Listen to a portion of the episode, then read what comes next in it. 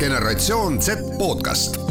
saade valmib koostöös Euroopa raadiote võrgustikuga Euronet pluss, mõista Euroopat paremini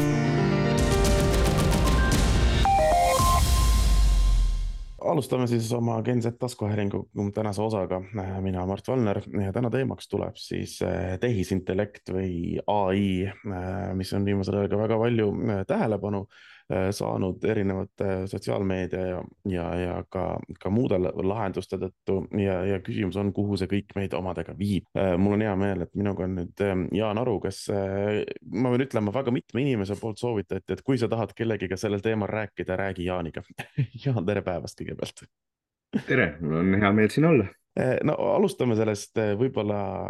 kõige kogu taustainfost. Eh, tehisintellekt, millest me räägime, miks see erineb tavalisest nii-öelda arvuti kasutamisest? noh, et mis see tehisintellekt üldse on, on ju, et seda kõige lihtsam on mõelda nii, et ta on tehislik versioon sellest, mida inimmõistus suudab. ja see suur probleem selle, sellega on see, et ega me ju ei tea täpselt, et täpselt et mis see inimmõistus on ja kuidas ta töötab ja nii edasi, see on nagu eraldi teema. aga siis jah, et kui niimoodi tavaline arvutiprogramm on lihtsalt selleks, et kirjutada midagi või äh, mingit muud asja teha, siis tehisintellekti programm, ta peaks justkui lahendama mingit ülesannet milleks meie muidu kasutame oma mõistust, inimlikku mõistust ühesõnaga, ta üritab tehislikult teha neid asju, mida meie muidu oma mõistuse abil teeme. no mõnes mõttes võiks öelda ka, et ka iga, igasugune noh, sellisel noh, kalk kalkulaatori kasutamine on ka tehisintellekt, ei ole? jah, et eh, see küsimus on, et kui palju see masin või siis programm ise ära teeb, et eh, ja milliseid samme ta teeb, aga põhimõtteliselt mina olen nõus, et nagu seal on nagu mingisugune selline skaala,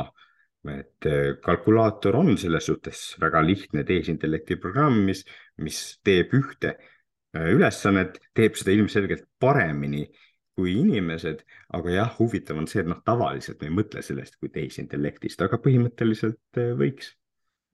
No aga millest me siis mõtleme kui tehisintellektist? Äh, üks asi, mis on praegu hästi populaarne, on äh, sotsiaalmeedia erinevad äh, profiilipildid, maalid ja nii edasi. teine asi, mis on hästi populaarne, on jah, see tehisintellektiga kõnede kirjutamine ja, ja, ja erinevate tekstide tegemine, mis ongi, ma saan aru, mõlema puhul on see, et sa vist annad suhteliselt lihtsa käsu ja ta teeb sellest midagi väga palju suuremat just ja noh, et võtamegi natukene neid näiteid, et äh, see teksti kirjutamise programm on siis chat äh, GPT või GPT ja mm, seda võib igaüks praegusel hetkel, kus me siin räägime, võib igaüks nagu tasuta seda proovida. Ja see on päris äge, eks, et tõesti sa kirjutad näiteks oma mingi koduse ülesande, essee ülesande, kirjutad sinna sisse inglise keeles ja ütled, et äh, kirjuta essee mille või kirjutaks kaheteistkümnenda klassi õpilane. Ja siis ta kirjutab sulle selle essee. ja tegelikult saab sinna panna ju juurde ka siis, et kirjuta see eesti keeles, noh, ta teeb mõned grammatilised vead, aga põhimõtteliselt tal annab sulle väljund eesti keeles. Ja mõte on selles, et ähm, see programm, ta ei võta seda teksti kuskilt internetist, ta ei kopeeri seda kuskilt, vaid ta loob selle teksti. Ja loob selle siis nii nagu nüüd see õpilane või tudeng looks. Või kui ma olen õppejõu rollis või õpetaja rollis, siis on raske vaadata või eristada, et kui mul on see töö ees, on raske öelda, kas on tehisintellekti poolt kirjutatud või õpilase või tudengi poolt kirjutatud. Ja see ongi siis üks nagu neid kaasaegseid ja ilmselgelt väga relevantseid näiteid selle kohta, mida tehisintellekt teeb, et muidu koolis või ülikoolis me on ju hindame ähm, tudengi või õpilase intellekti ja mõistust selle läbi, et kuidas ta essee kirjutab. aga nüüd mingisugune tehisintellekt kirjutab sarnase kvaliteediga essee. järelikult on siis selles aspektis inimese mõistusele järele jõudnud või noh, tegelikult isegi mööda läinud, eks, et äh, ta kirjutab ikkagi äh, paremini kui keskmine tudeng ja ilmselgelt teeb selle palju-palju kiiremini aga kas, kas ta siis õpib kuidagi juurde või, või kuidas see käib, selles suhtes, ma saan aru, et mm. õppejõuna nüüd väga suur probleem, sellepärast et seda ei saa ka läbi lasta ühestki sellest äh, plagiaadi äh, keskkonnast, eks ole, sellepärast et see ei ole kuskilt, kuskilt võetud, aga, aga kuskilt ju peab arvuti selle teadmise võtma, et mida ma sinna kirjutan. jah, ja see ongi, noh, see on kõige huvitavam asi, mis on viimaste viie aasta jooksul tehisintellektis toimunud, on see, et need süsteemid siis nagu see GPT eesti keeles või GPT on äh, treenitud nii, et neile antakse lihtsalt lõputult teksti internetist. mõelge selle peale, kõik Vikipeedia lehed, kõik blogilehed, kõik uudised, kõik tekstid antakse talle ja see süsteem, kui teda treenitakse, ta üritab kogu aeg järgmist sõna tekstis ennustada, see on ainus, mis ta teeb. aga ta töötleb niimoodi läbi tohutul hulgal teksti, palju rohkem kui ükski inimene oma eluea jooksul töötleks, jah. kogu aeg üritab ainult ennustada järgmist sõnu, teeb selle vea, teeb vigu, teeb vigu, kogu aeg parandab ja mis on hämmastav ja tõesti hämmastav on see, et siis lõpuks, kui see programm on treenitud, siis ta suudab toota sellist täiesti uudset, koherentset, sisukat teksti. Et see on hämmastav, et sa sellisest nagu täiesti tobedast treeningust, jah, lihtsalt ennustad, üritad järgmist sõna ennustada äh, ja paned lihtsalt hästi palju teksti, saad midagi, mis on justkui äh, tark, on ju, et see on hämmastav. Samas ütleme, uusi teadmisi niimoodi päris ju luua ei saa või kas seda saab ka selleks ära kasutada, ma hakkan mõtlema, et, et ta ikkagi aluseks ju võtab nii-öelda olemasoleva teadmised, olemasoleva info ta ei tee ju sellest äh, oma mingisuguseid järeldusi. just, et siin on nüüd, on väga tähtis ka see, et kuidas sa siis sellelt programmilt nagu küsid, mida sa küsid talt et ta, mina olen temaga ise palju mänginud ja katsetanud ja selliste, ütleme nii väga üldsõnaliste tekstide kirjutamiseks on ta väga hea. kus on vaja kirjutada mingi sissejuhatus, mingi üld, üldsõnaline sissejuhatus Äh, näiteks, aga tihtipeale näiteks ega õpilaste ja tudengite esseed tihtipeale on ka võrdlemisi sellistel üldsõnalistel teemadel on ju, et me ütlemegi näiteks, anname ülesanne, et äh, võrdle inimmõistust ja tehismõistust on ju. Ja siis õpilane kirjutab selle kohta midagi, aga selliste tekstide kirjutamisel on see programm väga hea ja mm. nüüd ongi, et kui me läheme siis täpsemaks, noh, et mina on nüüd, mina üritan ikkagi teha seda nii-öelda päris meie teadmiste piiril olevat teadust, üritan uusi asju välja mõelda, näiteks inimmõistuse, tehisintellekti kohta. ja siis, kui ma talt küsin küsimusi nagu näiteks, et ja et, et noh, et mul on selline, selline teadusprobleem, et, et kuidas sina seda lahendaksid. Äh, noh, siis ta tegelikult ta jah, äh, ta ei anna midagi originaalset et, et, et tal on oma piir, et ta tegelikult praegusel hetkel ähm, ta võib kirjutada sellist äh, huvitavat äh, väljamõeldud teksti, on ju, sellist mingit äh, ulmeteksti võib kirjutada väga hästi, luuletusi võib kirjutada inglise keeles, mitte eesti keeles nii hästi, aga ta tegelikult sellist päris uut äh, nagu sisu jah ei tooda ta lihtsalt, ta, ta, temas on, selles programmis on nagu tohutult palju inimkonna teadmisi, rohkem kui tavalises inimajus ja nende kohta saab siis küsimusi küsida sealt ja nii edasi, aga võib-olla äh, enne kui ma unustan seda öelda, tasub ka öelda, et kui keegi seda kasutab äh, ja näiteks mingi, noh, see programm nagu mingi fakte paneb ka sinna essee sisse, siis neid fakte tasub kontrollida, sest et äh, ta tegelikult, ta on väga hea äh, luuletaja ja asjade väljamõtleja, väga sorav kokkupanija, aga tihtipeale ta siis faktidega ka teeb nii, et ta nagu mõtleb asju välja, et isegi lihtne küsimus, mida me siin äh, kodus vaatasime, et küsid talt, et millal tehti esimene fotogra-, foto ja kes tegi ja mis pildi peal oli ja siis ta aasta pani õigesti, aga muud asjad luuletas lihtsalt et, et tasub selle eest teadlik olla, et mitte ärge siis, kui te kodutööd tehke, ärge lihtsalt nagu äh, seda esseed nagu esitage nii, vaid korraks ikka vaadake kriitiliselt talle otsa ka. kui me läheme veel rohkem siit juba ulmevaldkonda äh, ma, ma olen kindel, et me kõik oleme näinud äh, väga palju erinevaid äh, ulmefilme, kus äh, robotid äh, muutuvad teadlikuks ja võtavad selle maa, maakera ja maailma üle, kuni noh, viimasel hetkel tuleb muidugi üks kangelane, kes meid kõiki ära päästab äh, noh, kas see on nüüd see, see, kas tehisintellekt on see samm selleni, et kõik meie kodumasinad on muutumas eneseteadlikuks? Jah, et siin on see üks suur küsimus, millega mina ka tegelen, et nüüd jah, need programmid on ülivõimsad. kui nendega rääkida äh,, nendega suhelda, siis näib justkui ta oleks teadlik ja no ongi inimesi, kes on küsinud selle nendelt programmidelt ähm,. näiteks suve, sel suvel oli siin üks, üks suur lugu sellest, kuidas üks Google'i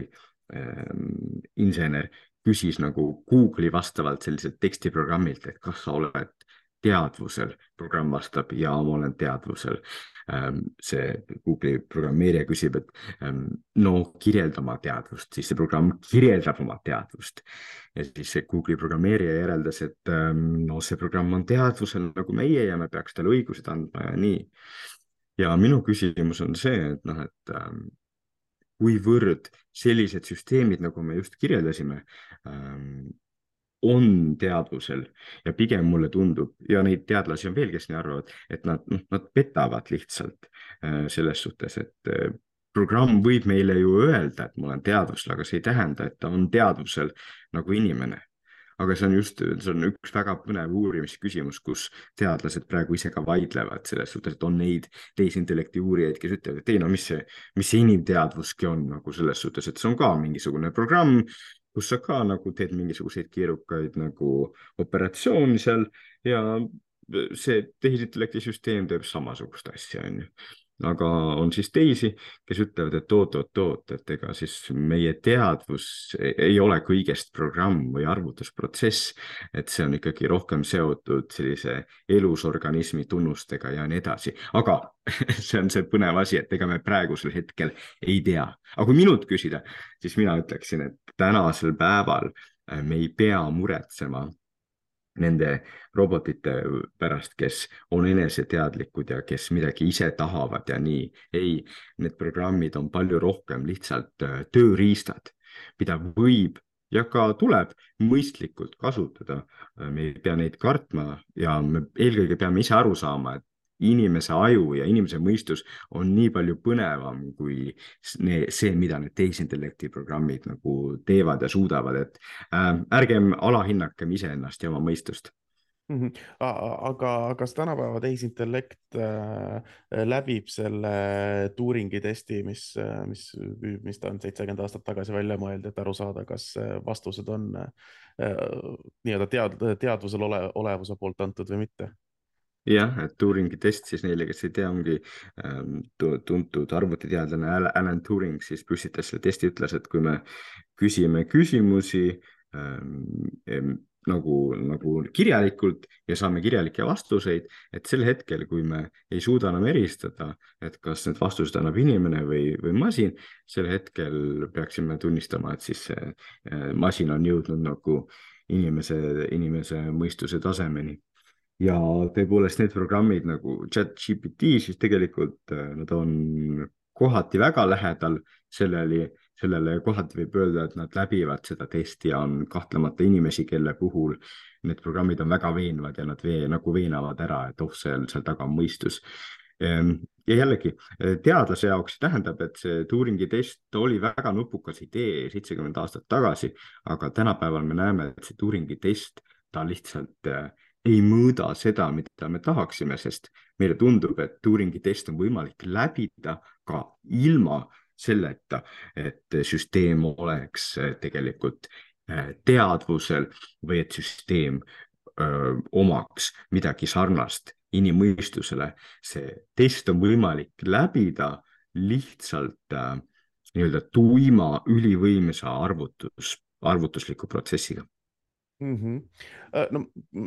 seda kasutatakse tõesti praegu, me räägime seede tegemiseks. Äh, minu jaoks ai teema ei esti ette täpselt nende samade äh, Facebooki profiilipiltide ja muude asjadega. Mis ma eeldan ka umbes samamoodi, et sa kirjutad, äh, annad, laed oma pildi üles ja ütled, et tee minust maal, eks ole. Äh, kas, kas sellisel tasemel nüüd, nüüd, kas see nüüd ka tähendab seda, et tegelikult on lõppenud kehvas Google Translate'is kirjutatud Nigeeria printside spämmikirjad ja me ja, ja igasugune selline noh, ka tegelikult mitte väga legaalsel eesmärgil kasutamine muutub nii-öelda meie jaoks arusaadavamaks ja mõnes mõttes on nagu lihtsam hakata selliseid skämme läbi viima. jah, et see on kõikide nende programmide äh, suur oht. sest nagu me mainisime, eks, et see programm suudab kirjutada teksti nagu ta oleks tudeng. ta suudab kirjutada teksti nagu ta oleks ajakirjanik. Ja just äh, väga kenasti ütlesid, on ju, et need skämm emailid tihti nad on nagu noh, sa vaatad peale ja sa saad aru, et see on nagu jaburus või noh, seal on nii palju vigu kuidas ta see, juba see esimene pöördumine on imelik, on ju. aga nende programmide abil on võimalik teha siis tõesti nagu perfektseid äh, skämme selles suhtes, et sa äh, saad sellele programmile öelda ka, et kirjuta selle, see tekst äh, näiteks äh, mingi äh, pangatöötaja stiilis või midagi, kirjuta see tekst nagu professionaalse ähm, selle juristi stiilis või midagi taolist. Ja see on ka suur äh, nagu kriitika koht, et jah, et võimsad firmad nagu OpenAI on ju, nad on toonud sellised programmid nagu see chat GPT, aga nad ei ole tegelikult üritanud üldse nagu maailma kaitsta selle eest. ja noh, kui me räägime võltsinformatsioonist,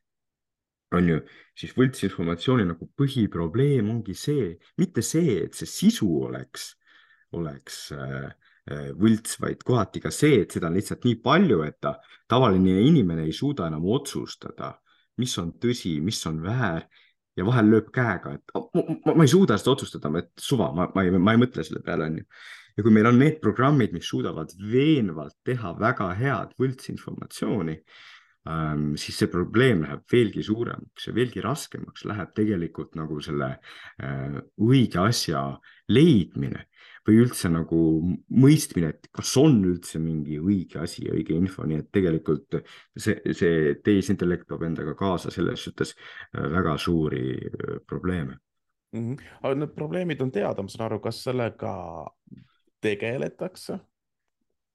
ja eks ikka on neid ka, kes tegelevad, aga seal ongi see, et nüüd see chat GPT tuli välja, on ju, seda kasutati ülipalju ja siiamaani kasutatakse ülipalju, on ju.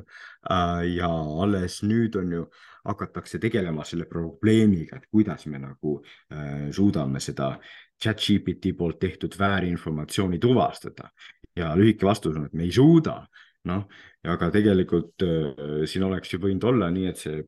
OpenAI firma, kes selle chat GPT välja laseb, et noh, ta ei lase seda niimoodi välja vaid enne tegeldakse sellega, et seda ei saa kasutada kuidagi väärinformatsiooni loomiseks, on ju ähm,. nii et see on tõesti nagu selline probleem, mis sellise tehnoloogiaga kaasas käib, et on inimesed, kes tahavad tehnoloogiat turule tuua ja nad on nii optimistlikud ja entusiastlikud, et nad kuidagi, nad ei näe kogu seda probleemide raamistikku, mille nad tegelikult siis kaasa toovad. ja praegu on niimoodi juhtunud ja tegelikult seega kõigile tõesti kuulajatele soovitan, et kui te saate emaili, mis isegi on väga professionaalne ja ütleb teile midagi, mis te tahaks, et on tõsi, siis noh, olge, olge väga skeptilised, et seda väärinformatsiooni ja väga kõrge kvaliteediga väärinformatsiooni on nüüd palju rohkem ringlemas mm. -hmm. et isegi kui see kiri on hästi kirjutatud, siis suure tõenäosusega keegi meili teel teile seda kahtekümmet miljonit äh, kullasse äh, anda ei taha. Äh, ja et siin, et ja siin ongi, mis on kõige tähtsam, on, et me peame nagu tegelikult, ega muud võimalust ei ole, kui nagu ähm, noori aga ka täiskasvanuid ja ka vanainimesi nagu harida lihtsalt selles suhtes, et, et, et kuidas vaadata ähm, mille suhtes skeptiline olla ja noh, et üldse, et inimesed oleksid teadlikud sellest, noh, just see, seetõttu teeme seda saadet täna on ju.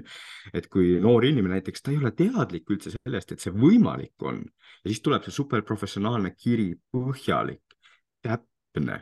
äh, ühtegi viga ei ole sees, no siis kuidas ta peaks teadma, et see on mingisugune pettus, eks. ja seetõttu nendest teemadest tulebki rääkida, et inimesed on kuulnud, et tänapäeval see on võimalik ja siis saab nagu ise natukene, natukene paremini ja targemini otsustada. no Jaan, te ise olete neuroteadlane. vaadates nüüd ai tulevikku, kas mul selles mõttes kaks küsimust, mis on, mis on see järgmine aste, kuhu me jõuda jõuame ja millal me jõuame sinna, et tõesti te saate öelda, et äh, see meie neurosüsteem ja see arvuti mõtlemisprotsess, et need ongi samasugused? Jah, et see on, need on küsimused, mille peale ka igapäevaselt äh, minu grupis mõtleme ja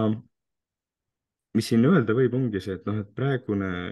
suur vahe on ikkagi see, et äh, arvuti, need, need programmid on programmid, nad jooksevad, on ju, nad on tarkvara, mis jookseb äh, riistvaral. aga kui me hakkame aiu vaatama, uurima aju, siis selgub, et seal sellist tarkvara ja riistvara erisust justkui ei ole. Ühesõnaga kõik, kui, kui me isegi räägime, et ajus mingi programm jookseb, siis see jookseb väga teistmoodi sest et ta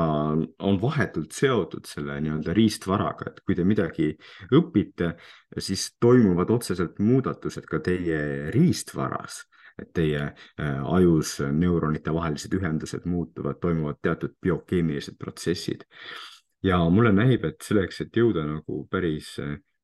inimmõistuse tasemele, peame me tegema seega ka äh, nii-öelda selliseid tehisintellekti süsteeme, mis rohkem nagu põhinevad äh, neuromorfilisel arvutusel, mis tähendab, et, et programm on ka nagu äh, mitte ainult programm tarkvarana, vaid ta on nagu integreeritud sellesse süsteemi ja see süsteem nagu loob ühendusi nagu inimaju ja sellega tegeldakse ähm,. nii et see võib olla üks, üks, üks koht, kust järgmine suur läbimurre tuleb no eks me jääme huviga ootama. Jaan Aru, aitäh täna selle intervjuu ja mõtete eest. väga põnev oli kuulata ja eks me kõik, kõik siis ja. saavad minna katsetama, et kellel ei ole vaja esseed kirjutada, siis lihtsalt mõni kasvõi oma, oma, oma välja mõeldud fantaasiajutuke või midagi sellist on ju täiesti, täiesti tehtav ka selle süsteemiga jah, proovime, oleme teadlikud ja lihtsalt mõtleme selle üle ka, et siiski praegu meie enda mõistus on veel tehisintellektist üle. aitäh kõigile. generatsioon Z podcast. saade valmib koostöös Euroopa raadiote võrgustikuga Euronet pluss, mõista Euroopat paremini